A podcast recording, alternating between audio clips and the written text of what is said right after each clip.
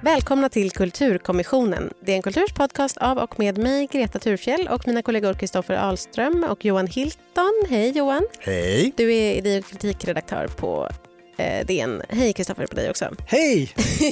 Vem är jag? Du är vanlig här Ja, i eh, vanlis. rummet. Du är vanlis.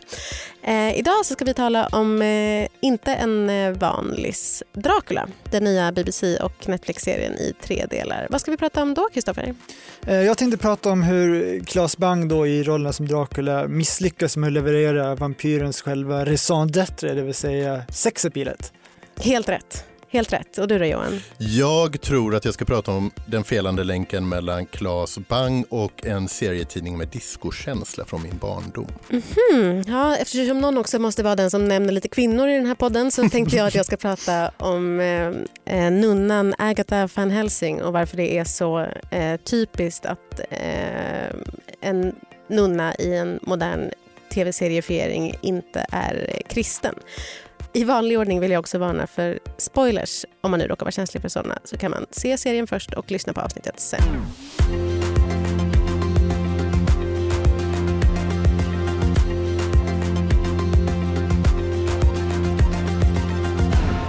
Den nybakade juristen Jonathan Harker reser till en mystisk klient i Transylvanien för att assistera i hans fastighetsaffärer i London. Hemma väntar hans unga fästmö Mina Murray. Men Harker blir kvar i det labyrintiska transylvanska slottet och medan han mystiskt insjuknar blir klienten greve Dracula allt yngre och allt starkare. TV-serien Dracula är skapad av Mark Gaddis och Steven Moffat och sänds på Netflix.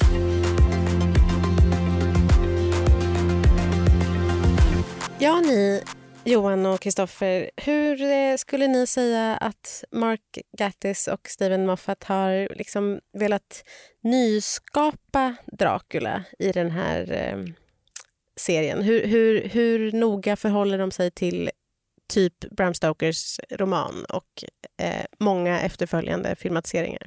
Både och skulle jag säga, väldigt noggrant å ena sidan och, och väldigt eh, frivolt Mm. på, och den andra. Alltså på, på, på den här noggrannheten så är det ju att man, man sänker ner sig i etapper utav liksom romanen. Det är egentligen bara halva roman, eh, romanen som har filmatiserats än så länge mm.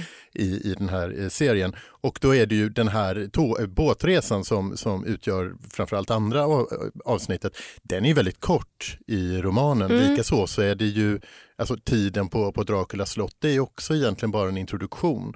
Eh, men som man då kavlar ut väldigt mycket i, i tv-serien.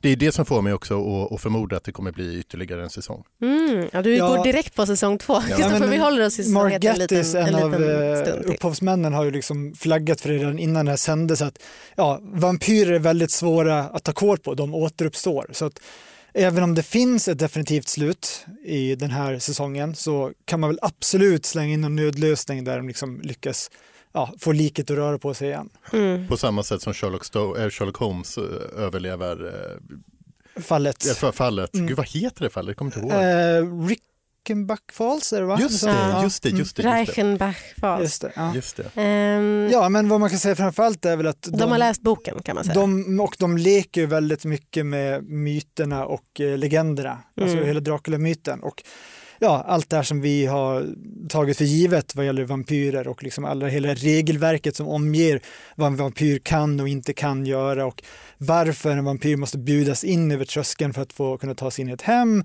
varför han reds sin spegelbild, varför han reds korset, Mm. allt det här har de liksom konstruerat egna förklaringar till eh, som vi ska komma in på senare för en del är väl Om vi ska. bättre och en del sämre Ja. kan man säga. Det är också just det, nej, men precis att man kondenserar det till en rad olika motiv Ja. snarare än, än, än någonting annat.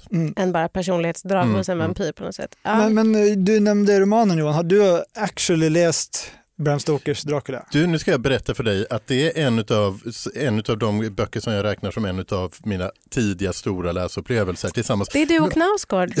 Han älskar också. Han, han gör det. Jag tror Älskar. att jag läste en, en sån här liksom förenklad version, typ så här från Niloé-biblioteket som, som fanns när, när jag var mindre. Men, men eh, det, alltså, alla prepubertala ungar går ju in i någon form av skräckperiod. Åtminstone gjorde man det på 80-talet. Då var Stephen King jättestor, Dinar Kuntz var jättestor.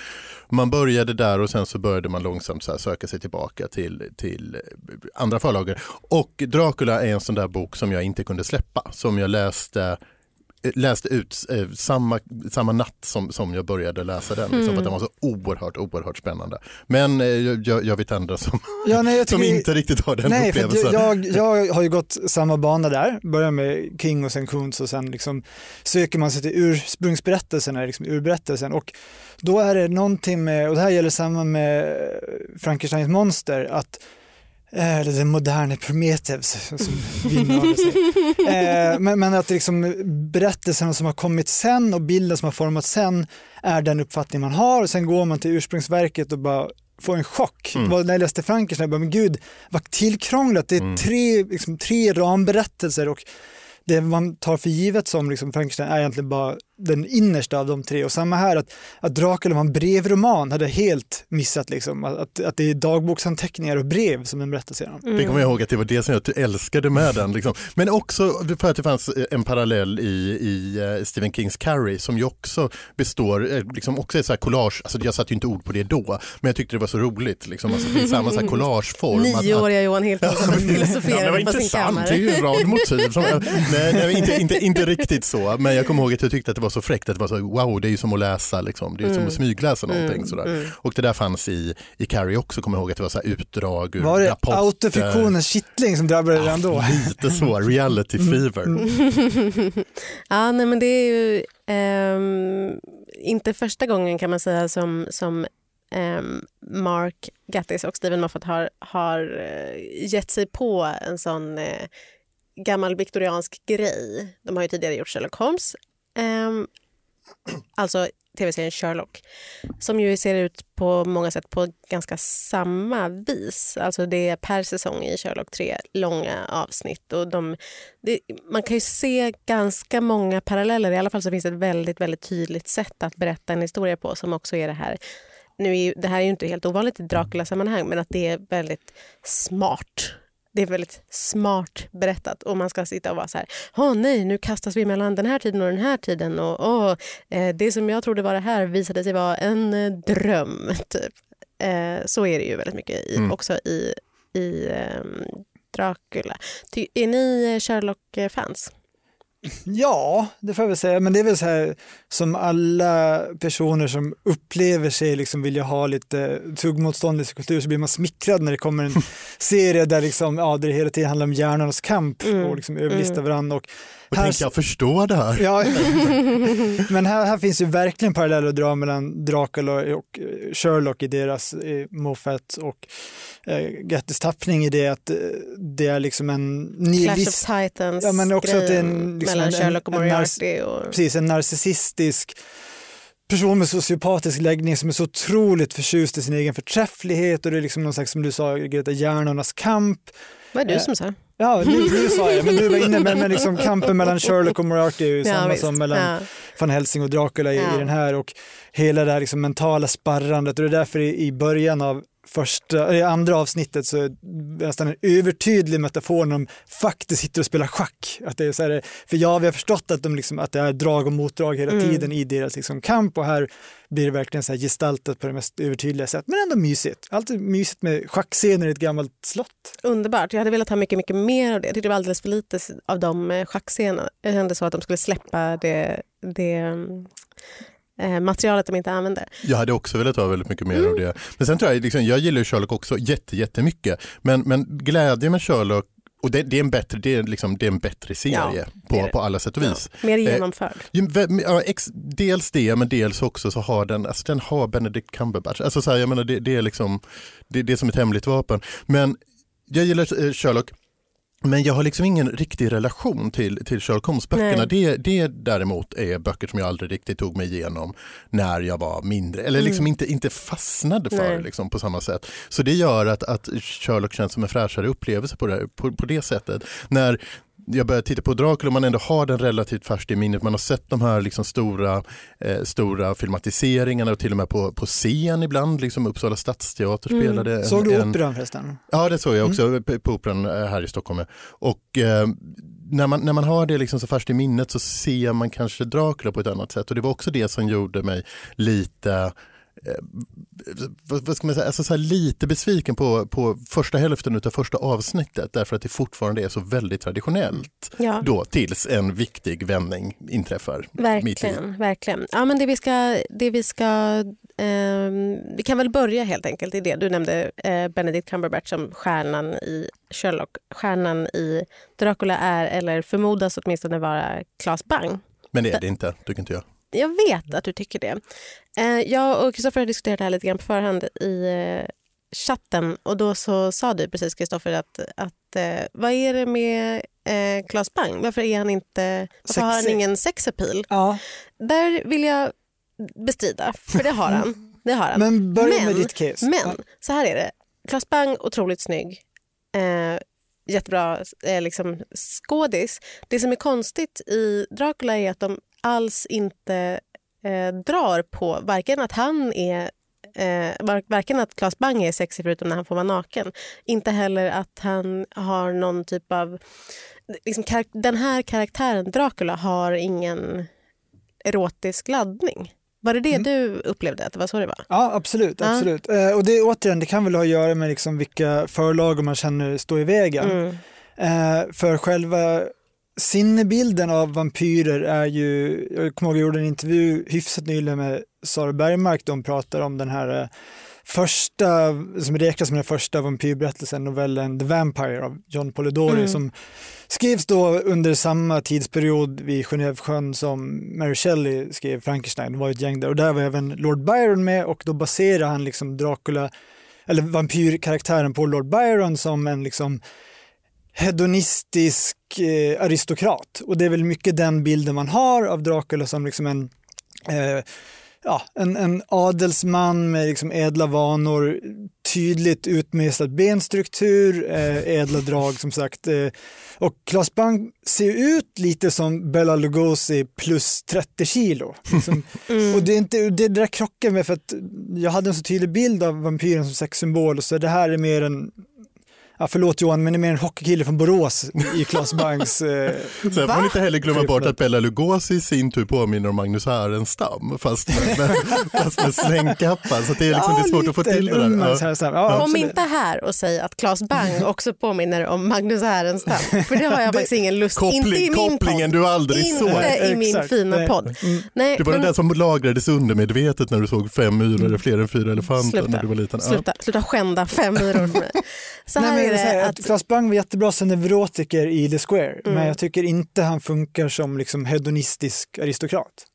Men jag vet inte, är, det, är, det, liksom, är Dracula någonsin riktigt intressant? Eh, för, för jag, jag är inte säker på att jag tycker det mer än att han som liksom i alla skräckroman, eller liksom så skräck, skräckhistorier är liksom någon form av mörkt hot. Det intressanta skulle jag nog som säga, som vuxen i alla fall, eh, är väl att vad, vad han sätter igång hos Mm. de människorna som kringger honom.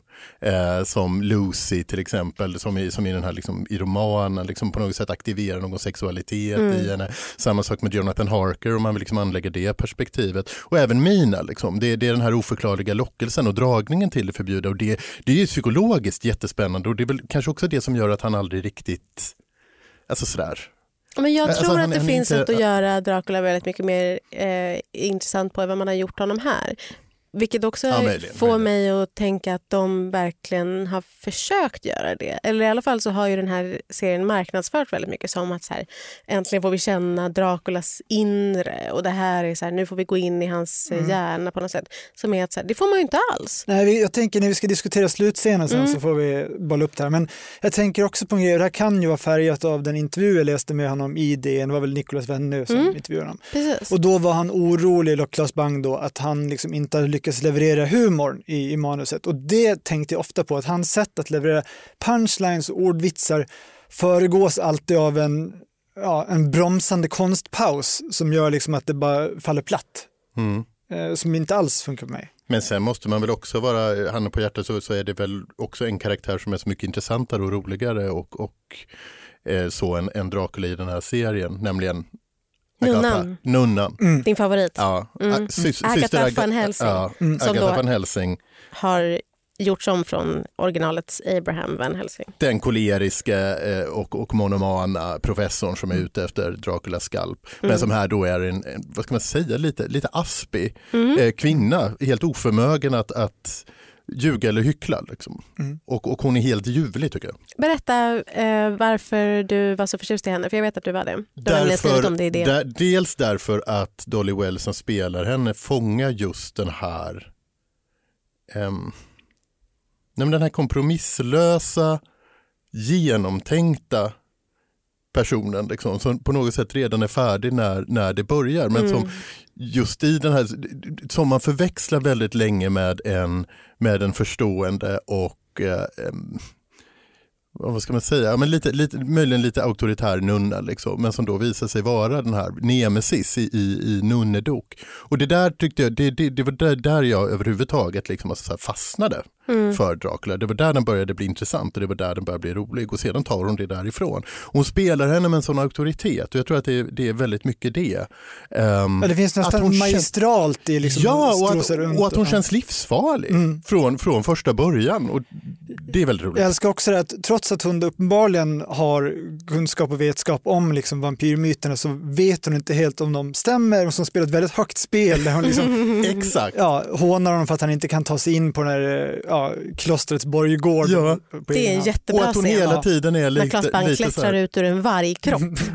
ja, men li, lite så här fisken utanför akvariet hela tiden. Att hon också är en, något så sällsynt som en ateistisk nunna med Nej, en det- väldigt, väldigt hel världsbild redan från början. Där, där hon i princip he, ogiltig förklarar hela Guds, eh, Det har, jag, jätte- det har jag jättemycket problem med. För det tänker jag är så här, ehm, deras serieskaparnas sätt att göra nunnan eh, så kallat likable.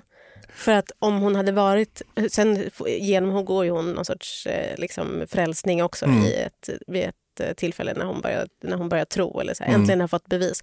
Men, men, men just att hon, är, att hon säger så här, eh, när Jonathan Harker frågar så här, men vadå du är ju nunna? Och hon Mm. bara, eh, nej jag är bara som alla andra kvinnor i min ålder, typ missnöjd med den jag gifte mig med men stannar kvar för att få tak över huvudet. Då, då ser jag framför mig hur eh, så otroligt många samtidsmänniskor är så här, haha, eh, det är säkert så alla nunnor är egentligen, där, det eh, finns ingen gud, det är någon sån som är så här att, att just för att hon är den ateistiska nunnan så är hon liksom godtagbar i Men- moderna tittares ögon på ett sätt som är så här, okej, men hon, eh, nu är hon, hon kan, kanske kan få vara kristen och ändå vara typ en, en eh, värdig motståndare. Fast det, för mig var det tvärtom, för att där, där kände jag okej, liksom, vi lämnar den här liksom lite förklädda Dracula liksom, maskeraden ifrån det här. Och vi går härifrån och trots att det utspelar sig i en dåtid och liksom, trots att ni trodde att ni skulle få allting som, som ni inte får så är det här en modern serie liksom, som talar om eller så, så, så snarare, liksom det, det är samma sak i andra avsnittet där och överhuvudtaget hela gudsföreställningen, liksom att det är en mängd olika frågor som arbetas i liksom en ganska postmodern verklighet. Liksom. Där, där, det inte finns någon, alltså där det inte finns någon gud att söka tröst hos, där det inte finns eh, en större livsmening, möjligen än att söka de sexuella kickarna som, som eh, sker i, i avsnitt tre till exempel. Och det var det som jag kände, okej, okay, men, men det här, här, här, det, det, den här serien kommer ändå diskutera någonting. Ett poddtips från Podplay. I podden Något Kaiko garanterar östgötarna Brutti och jag, Davva, dig en stor dos skratt. Där följer jag pladask för köttätandet igen. Man är lite som en jävla vampyr. Man har fått lite blodsmak och då måste man ha mer. Udda spaningar, fängslande anekdoter och en och annan arg rant. Jag måste ha mitt kaffe på morgonen för annars är jag ingen trevlig människa. Då är du ingen trevlig människa, punkt. Något Kaiko, hör du på Podplay. Därför är gardinerna.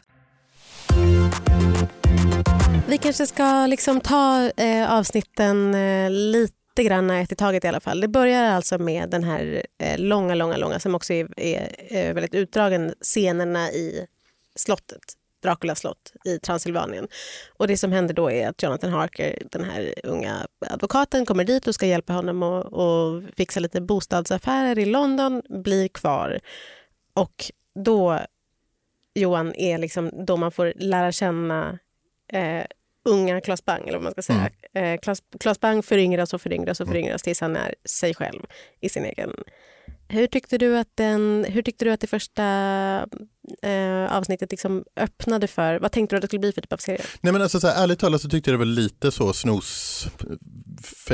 Mm. Ehm, och dessutom att den är så väldigt lik Francis Ford Coppolas Mm eh, Dracula-filmatisering länge. Liksom. Alltså, så här, just att det börjar med den här uråldriga mannen som, som, som går och liksom fikar efter den här liksom, yngre mannens blod. Mm, Alltså, så här, mm. att, att allt det där som, där, där Dracula börjar, det har vi sett hundra gånger.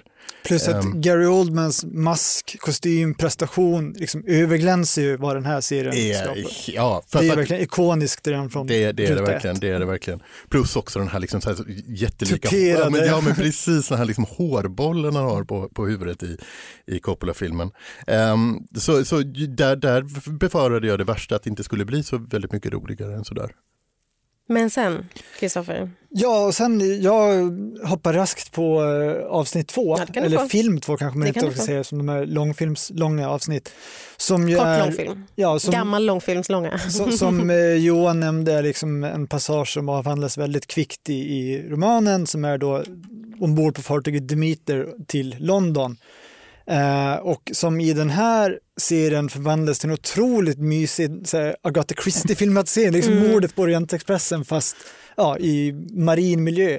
Och mystiska rum och, och Ja, liksom nej, det var- mystiska passagerare. Ja, det var ett otroligt mysigt. Jag såg det ihop med min flickvän och hon störde sig på att det var liksom så här, eh, att allting hela tiden, ja, fram tills dess avsnitt ett och avsnitt två utspelar sig i stängda miljöer, att det liksom är kammarspel. Och det tyck, för hon tyckte att det kändes låg budget, jag tyckte det var supermysigt verkligen. Knarrig gammal båt. Jag och Karin, håller, jag och din flickvän håller alltid med varandra. Jag tyckte också att det var jättetråkigt i avsnittet. Jaha, trist att höra. Ja. Nej, nej, men jag tyckte det var... Det fortsatte ju att inte...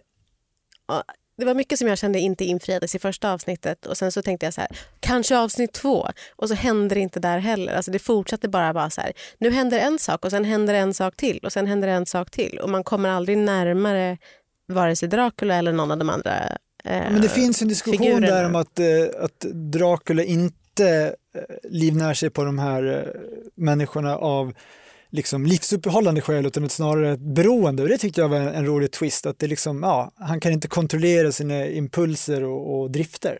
Det var ändå ett tema som etablerades bra i det avsnittet. Och att han sätter igång det hos andra också. Ja, precis. Framförallt så var väl det skulle ju visa på den här nya Draculas, eller för det vet jag inte hur, hur ofta det har använts i Dracula-myter eller Dracula-filmatiseringar och så vidare tidigare. Just det här med att han får, han får del av det som de han, vars blod han dricker har. Mm. Alltså han vill imponera på en dam som pratar tyska, då går han upp och, och suger blod ur en tyska eh, Bajrare. Ja, Mm. någon som är, eh, kör båten, styr båten. Och sen så kan han gå ner och prata tyska igen. Och det, det tyckte jag för sig det var lite roligt för, för det säger ju också någonting om vem han vill bli och vara i London. Alltså att han lämnar Transylvanien för att han är, är eh, trött på Östeuropa och ska till liksom den, fina, den fina världen och få vara en riktig aristokrat där. Men, men eh, och där tyckte jag också, i det avsnittet får man en intressant förklaring som sen tyvärr då förkastas i avsnitt tre, men mm, varför eh, han är så rädd för korset eller krucifixet och att det inte har liksom med Guds fromhet och godhet utan att han har liksom, alla de här människorna ätit så har han anammat deras gudsfruktan och det, Mm. liksom, finns inkorporerat i honom på grund av det. Det tyckte jag var en härlig twist. För det, det, jag, håller, jag håller verkligen med om det och dessutom blir det någonting vackert Mm. i, i någon bemärkelse. Liksom. Alltså det, det det uppstår liksom någon form av poesi i, i Dracula-gestalten. För det där är väl också det som är min stora invändning nästan mot alla vampyrberättelser. nu. Alltså överhuvudtaget den här, alltså är inte den här liksom gestalten så utforskad nu på alla tänkbara sätt? Eh, att ingenting riktigt återstår som förvånar. Det börjar liksom redan med Anne Rice och sen så har vi Buffy the Vampire Slayer naturligtvis. Twilight! Twilight dessvärre. Mm. Vilka är det mer? Liksom? Det, det, det är liksom den ena efter den andra. Eh, att, att den liksom som populärkulturell gestalt är liksom ja, nej det finns inte så mycket mer att tillägga och det där är liksom en av de där Mm. grejerna som faktiskt känns nytt. Mm. Jo, jag gillar vampyren jättemycket. Men det är för att jag är så förtjust i vampyrestetiken också. Så att jag blir jätteglad när folk får liksom ha Folk på sig på sig en långa slängkappa. slängkapporna. och, ja, nej, men är man gotare så är man. Mm. Men nej, så jag tycker det kan aldrig utforskas eh, nog. Just eh, vampyrtematiken. Men det, jag, Men, men, ja, förlåt. förlåt. men det jag däremot tycker är, har, har varit problemet med den här Dracula är att de två saker som jag tycker att Dracula liksom har, som är så här, eh, skräcken för Gud, eller liksom eh, hämndbegäret på Gud och hämndbegäret på människorna för sin förlorade kärlek, eller man ska säga då. Att båda de, ingen av dem är anledningen här. Och det kan ju vara precis som du säger Johan, att det är en sak som de har, de har valt att förkasta därför att Ja, därför att det krävs en ny Dracula på något sätt. Men, men vi kan återkomma till lite grann till slutet som sagt. Men, Ja. men det, är som, ja, det är någonting med de där, att inget av de där finns som gör att jag liksom lämnas eh, tom. Ja, och det kan väl ha att göra med att om vi frångår liksom framförallt då kanske Coppolas filmatisering, men Mina Harkers roll här som väl spelas av Winona Ryder i, Mm. i filmatiseringen, där Precis. liksom verkligen hon är huvudmålet för hans begär. Hon spelar knappt en perifer roll. Hon Nej. bokstavligt talat springer ut ur historien. Extremt betydelselös. Ja, verkligen. Och det är en av mina favoritbehandlingar av just hela Dracula-myten är ju ett sidospår i Alan Moores League of Extraordinary Gentlemen där Mina Harker är en ja, odödlig person med extremt stark agens Mm. som har rört sig genom århundraden. Men här verkligen så här, man bara sitter och väntar på att hon ska komma tillbaka. Så bara, nej, det var verkligen det sista vi såg av henne. Förutom att hon startade Jonathan Harker Institute. Som också är helt betydelselös historia.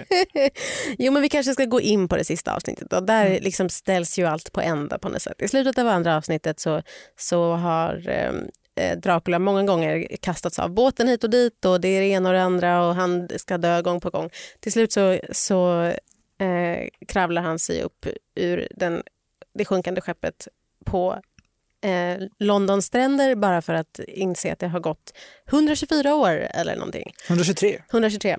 En lysande Eh, cliffhanger där också mm. tycker jag. Ja, otroligt med andra. andra. Ja. Ja. Håller med. Och det är då det som tredje avsnittet eh, handlar om. Och jag måste säga så här. Gör för all del mer av moderna Dracula. Inte nödvändigtvis en säsong två, för det vet jag inte. Ja, det kommer jag ju se såklart. Men, men, men, men varför tror ni att de väntade så länge med att plötsligt göra det modernt? Som ju har varit deras grej med Sherlock till exempel. Varför, varför inte hasta förbi avsnitt ett och avsnitt två för att snabbt kasta sig in i moderna Dracula som ju uppenbarligen i mina ögon åtminstone verkar vara det som de har tyckt var roligast. Jag, jag är faktiskt också lite förvånad över det och det var lite det som gjorde att jag, jag blev så otålig i, i första avsnittet. Mm. Liksom, ska, alltså så här, för man ser liksom någon så här Sherlock framför sig. Tredje avsnitt tycker jag är en så väldigt jag vet, jag vet inte om du är tillräckligt gammal för, för att komma ihåg den här serietidningen, Kristoffer, Troom of Dracula. Jag vet att du inte är det, eh, Greta, men känner du till Swisha of mig rakt Dracula? över huvudet. Eh, det var, det var en, ser, te- en, en serietidning som fanns när jag var mindre och som just använde det här greppet. Alltså det an, av de greppen som används av Moffat och, och Gattis i, i den här serien har redan använts. Alltså det finns liksom någon form av Harker-industri Mm. som, som drivs vidare utav Harkers ättlingar men också ättlingar till Van Helsing som bildar liksom någon form av nästan så Scooby-Doo-gäng. Liksom, så här, alla har olika egenskaper och färdigheter och förenas bara utav en enda sak och det är liksom Dracula som då återuppstått mitt i moderniteten. Det här, den Dracula i Tomb of Dracula, han går ju liksom, vandrar ju runt i någon form av liksom disco, eh, Mm. disco USA liksom, och, Ja. och, och liksom en mängd olika liksom, eh, eh, grejer som, som förknippas med liksom, alltså den eran överhuvudtaget. Det är en jätterolig serie, jag älskade den. Och gick i flera år och finns i, finns i olika samlingar, jag vet att det är någon nyutgivning på gång. Mm. Liksom. Och allt det där var så jävla härligt att få tillbaka nu i det här tredje avsnittet. Liksom, att det är samma berättelse men det skildrar ur ett helt nytt perspektiv. Och, och när då Lucy gör entré här som liksom någon form av okynnes, alltså så här, okynnes-smsande, liksom Ja, livstrött partytjej. partytjej. Mm. Liksom, det är så givet och det är så elegant i, i serien. Jag tycker då rakt motsatt. Jag tycker Mm. att här, problemet här blir ju att nu får de alldeles för stort svängrum och det är så här, åh vad vi kan leka med alla de här karaktärerna från en liksom viktoriansk roman. Hmm, vad ska vi göra med Lucy? Jo, vi gör en, så här, en selfie-törstande klubbkid och sen ska vi liksom försöka etablera den här attraktionen med henne och Dracula och ja, det sägs hela tiden, ja det är så spännande för att hon är inte är rädd för döden, men det, jag vet inte, det känns aldrig som att, nej det känns aldrig, utan det bara sägs saker hela tiden. Och hon får liksom inte så mycket att göra med sin karaktär förutom att säga grinda på nattklubb och sexta olika män och det, jag, vet, jag tyckte fortfarande att hon kändes platt och det, hela det stickspår, eller hela det spåret i tredje avsnittet helt ointressant. Jag, ty- jag tycker jättemycket om det, men det är också liksom, alltså, just för att den går in på de här liksom värsta skräcknojorna, näst, eh, verkligen liksom, alltså, så här, vad händer om livet trots allt fortsätter efter döden? Att, fort, att, liksom, att det fortfarande finns ett medvetande som när hon eh, skjutsas in i den här krematorieugnen Mm. till exempel. Mm. Och att hon på något sätt fortfarande är där. Det, var liksom, det, det är en mängd olika skräckinjagande, liksom, alltså sådär, tvångstankar nästan, liksom, som Mm. jag älskade att se. Liksom, alltså, sådär. Mm, jag håller med er båda tror jag. För jag tänkte på två tv-serier i, när jag såg det här avsnittet. Å ena sidan Johan, och det här kommer du älska, tänkte jag jättemycket på med moderna Dracula i, i 2020. Då tänkte jag jättemycket på eh, Dougie Jones från Twin Ja, Peaks men- 3. Och det var så himla bra Mm. när han gick runt och i, när han kommit till det här huset och går runt där och säger så här, Ni må, du måste vara den rikaste i stan. Det är otroligt vilket överflöd du Mm. har. Och han sitter framför tvn och tittar på solen som han äntligen får se och den är så vacker och den är Bedövad, så liksom. vacker. Det är ju otroligt. Ja, Sitter och gråter framför tvn. Början av tredje avsnittet, absolut, Det men den grejen var så jätterolig. himla bra. Han säger, jag vet ingen furste eller kung som inte skulle älska att bo i den här lyxen. Nej, det var helt och så är det otroligt. bara skittråkig förortskåk någonstans i It's a dump, mm, som hon nordöstra. London. så. Men å andra sidan, Kristoffer, så det, de här klubbscenerna med de här lite taffliga unga skådespelarna som de har tagit in då, vet du vad de påminner om? När hon Mm. ska så här, sitta och ta selfies på sängen och fåna sig. Det är ju ett så dåligt Black Mirror-avsnitt Ja, som handlar om så här, exakt. teknikens faror och, och eh, faran med att vara för ytlig på internet. Och man känner ju absolut igen deras formspråk från Sherlock här, hur liksom gestalta visuellt tekniken Mm. med liksom sms-text som svävar i luften och de här like-hjärtarna från Insta. Och, Ja, men det är möjligt att det är moraliserande, det, det kan jag helt hålla med om. Liksom, och att det kanske är lite fantasilöst, men det finns ändå, nej jag tycker att det finns en, en skön, eller ja, skönhet är väl också verkligen att ta i, men det finns en, en liksom grej där med, med hur de sitter på kyrkogården och alla dessa levande döda överallt, som jag tycker väldigt mycket om. Liksom. Om vi ska tala lite grann om det här slutet och, och vad det betyder och vad allting eh, liksom mynnar ut i för Dracula och för eh, Agatha, nya Agatha som vi inte ens har nämnt så här långt. Då. Det som händer när han eh, tvättas upp på stranden är då att eh, eh han möter Zoe Van Helsing som är eh, Agathas eh, släkting på, på långt håll. Spelas av samma person. Och hon då jobbar för det här Jonathan Harker eh, Institute och är sjuk. Han försöker dricka hennes blod, han börjar kräkas eh, och sen så möts de i, efter mycket, mycket, mycket, mycket, mycket om och men i en scen. Liksom, i hans nya fina lägenhet som han har hyrt och, och hon konfronterar honom med vad som är hans stora skräck. Då. Hon slutför Agatha van Helsings uppdrag och kommer fram till att det han i själva verket är rädd för är inte eh, någonting som någon tidigare Dracula varit rädd för på något sätt utan han har då eh, hela tiden varit rädd för att, för att dö och för att inte eh, kunna mäta sig med sina eh, förfäder som har liksom, eh, stridit och varit såna liksom, hjältar och såna riktiga karar utan, utan han bara smyger runt i skuggorna och, och livnär sig på andras blod. mm. Vad tyckte du om slutet, Kristoffer? Ja, ehm, för det första så eh, jag vet inte om de har sett eller läst Låt den rätte komma in, men det är väl en av mina starkaste minnen från den boken är ju när eh, vampyren biter någon av de här A-lagskärringarna som det beskrivs i boken. Får stå för dig. Ja, eh, och eh, drabbas av liksom extremt illamående för att ja, Mm. personen har cancer då, så det är ju samma grej som upprepas Mm. här. Men vad man ska säga, ja, jag har ju jättesvårt för det här grejen, men nu måste vi bena ut där. Det finns ju då som sagt de här reglerna för vampyrer, de kan inte vistas i solljus, de kan inte ta sig in om de inte blir inbjudna och så vidare. Och då, Gestaltat i en underbar scen i säsong ett när de är uppe i något torn och, och Claes Bang står i skuggorna och Jonathan Harker står i solen. Det är en jättevacker scen. mm, absolut, verkligen. Eh, och här då så ja, river hon bokstavligen talat ner den myten genom att slita upp gardinerna i det här stora rummet så att solen strålar in på Dracula och av någon konstig anledning så brinner den inte upp. Och då förklarar hon för honom att alla de här eh, hindren du har satt upp för är liksom självpåtagna fetischer eller liksom nästan OCD-beteenden som du har lagt till med för att bortförklara vem du egentligen är, att du är en person som rör dig i skuggorna för att du känner en stor skam över vem du har blivit. Ingenstans har etablerats i hans beteende, hans tankar, att han skulle ha en själ har vi inte sett någon röken av. Så jag kände bara kände Så som att de har, ja, de har, liksom, de har inte förtjänat det slut som är, det är smart och intressant men det fanns ingen uppbyggnad för det vad jag kände. Gud, jag kan inte fatta det. Jag kom på vitsen nunsplaining och jag inte har läst den. Nej, kom på den helt själv. Trademarka. Tack. Eh, nej, jag håller verkligen med om att det är otroligt illa förankrat Mm. i resten av eh, eh, serien. Som ju, det är det som är Han problemet på verkar supernöjd med att vampyr. Det problemet är ju att, att man får lära känna så lite av Draculas själ eh, på förhand. Till, alltså, till skillnad från, från Dracula i typ eh, Coppola Dracula-filmen som jag inte hade sett men såg inför den här. Där, där man ju hela tiden har med sig hans eh, eh, Motivation. motivationer och bevekelsegrunder och hans hämndbegär på diverse. Men är inte det en gestaltningsbrist då hos Claes Bang? Det är Ja, en eller i manus. gestaltningsbrist i manus. Manus ger dem inte det att jobba med.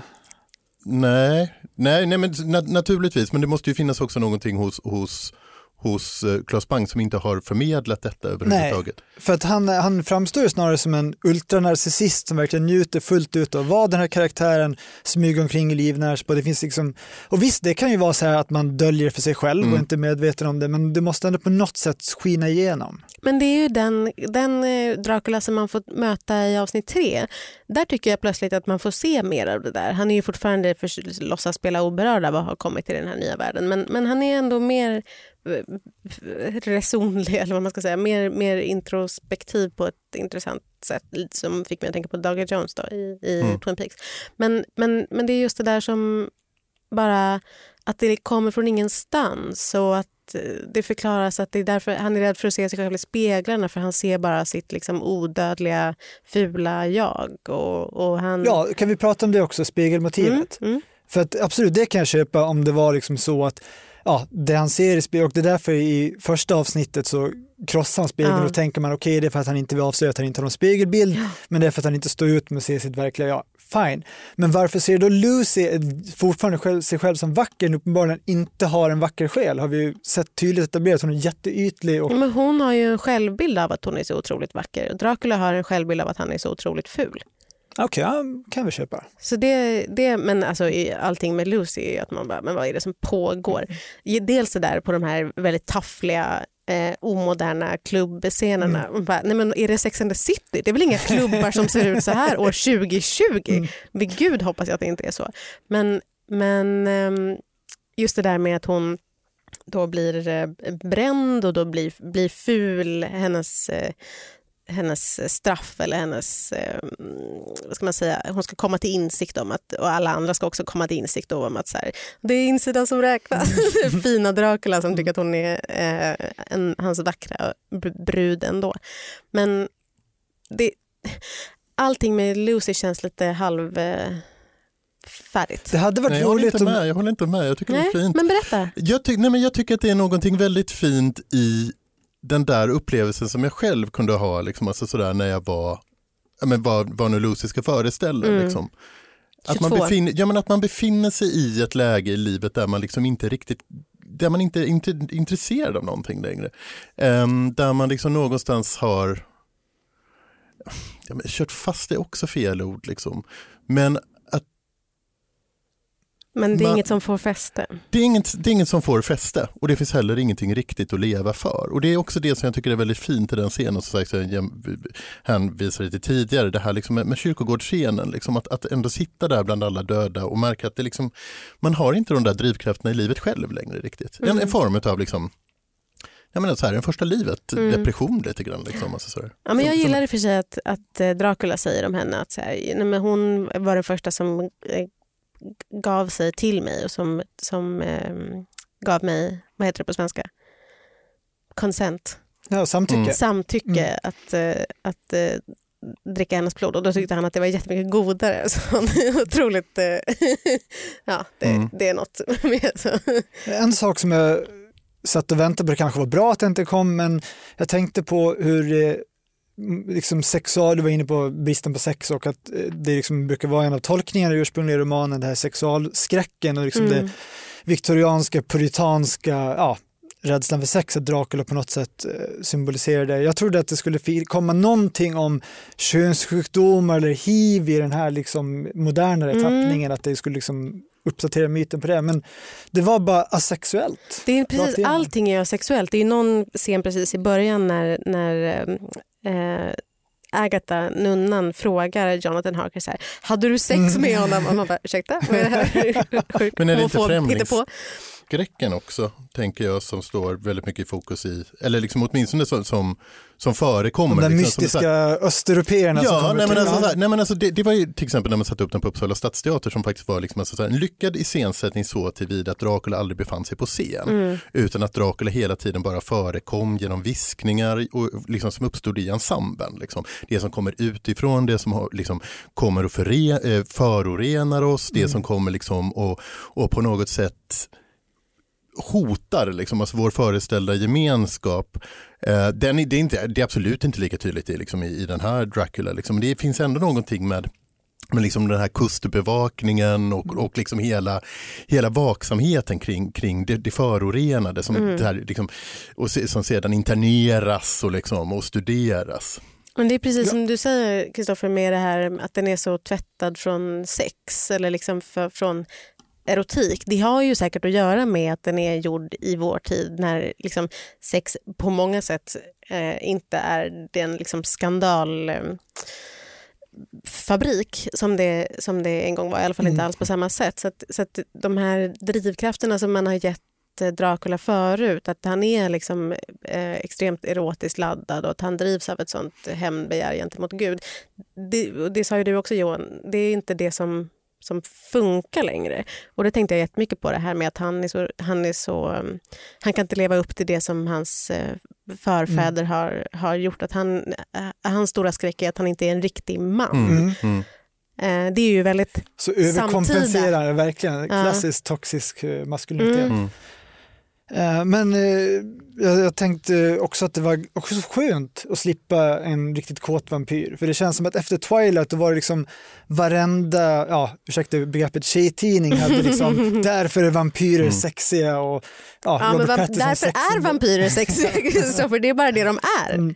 Men, nej, men, men jag tänker liksom, alltså, för de här kulterna uppstår ju, liksom, alltså, eller snarare vampyrintresset uppstår ju alltid liksom, alltså, vid, vid vissa liksom, historiska, liksom, om man tänker på till exempel alltså, Coppolas eh, filmatisering, eh, vi har även liksom Anne Rice, Deck, eller liksom, de här Mm. liksom, romanserierna som kommer liksom, alltså, mitt under och i efterbörden av hiv-epidemin och aids-krisen, där, liksom, där, där också eh, vampyren liksom förlänas som form av homo, väldigt homoerotiskt och också liksom, ja, men en smitta liksom, som kommer utifrån.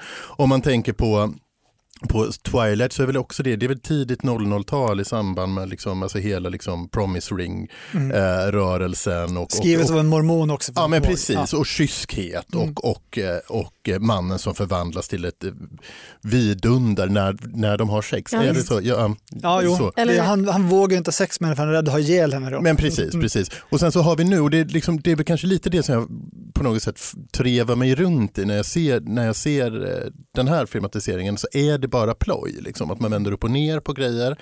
Att man tar in eh, Dracula i taskiga klubbmiljöer Mm, till exempel. mm. Eller, eller liksom så här, och, och, och det, det är lite det som jag fortfarande trevar efter, efter att ha sett den också. Okej, men vad är poängen? Nej, men det är Liksom, alltså verkligen- sådär, vad, vad, vem är Dracula?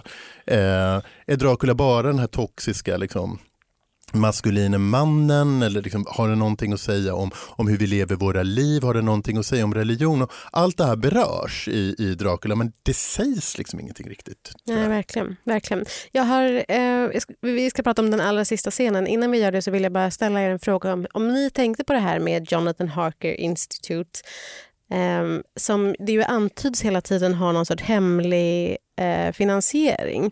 Det, det snackas mycket om de här eh, eh vad heter det på svenska? Mercenary. Så legoknektar? Ja, ja, som står och vaktar överallt och som är med på stranden där. Och det, säger, det, det viskas om att de har hemlig finansiering på olika sätt som kanske är lite okult eller någonting. Och, och eh, Zoe van Helsing skäms över att hon har tagit emot pengar från det här hemliga sällskapet. Man får ju aldrig veta vad det är. Nej, men det också visar sig vara en otroligt impotent organisation. Det är det som är så roligt. De, de målar upp det som så här, det här är något Guantanamo Bay, Black mm, Site som mm, ingen känner till mm. och liksom, du har hela den här privata armén och det är liksom jättemycket hemliga ja, pengar och ja, kapital som flödar in. Och sen är det inte svårare än att han lyckas knäcka wifi-lösenordet så kommer en advokat och löser ut honom. Nej. Eh, och det var väl lite kul att det var det Renfield. Det var ja, om, det är väl Tom Waits som är Dracula, Renfield i ja. ja. och här är det Mark roligt. Ja, precis. Ja. Eh, men nej, utan hela institutionen känns bara som att ja, det var någonting de... Men varför är det så mycket snack om de här hemliga pengarna om man inte ska få veta vad det är? Därför att det kommer i säsong två. Förmodligen. Men Dracula är ju död, vilket för mig in på den allra sista frågan.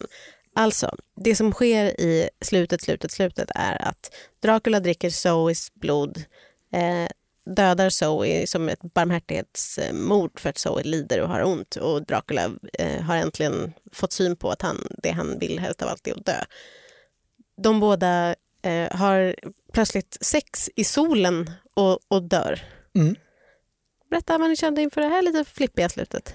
Eh, vackert. Eh, jättesnyggt, men som sagt återigen, eh, det har väl inte funnits här jätteömma känslor mellan dem. Den förvandlingen kom väldigt snabbt. Eh, snarare pratar om att han ska dra ut på hennes lidande och verkligen få henne liksom att ja, lida helvetes alla kval och istället så blir det den här ömsinta, ja, scenen så fick man tänka lite på djävulens advokat med de här omslingrade kropparna som morfas in i varandra och så vidare. En sån här gamla Ken Reeves-film? Ja, precis. Ja. ja. Eh, men då, för då finns det en sån här, det är någon tavla eller staty, alltså kroppar som smälter ihop och ringlar sig runt varandra. Så, ja.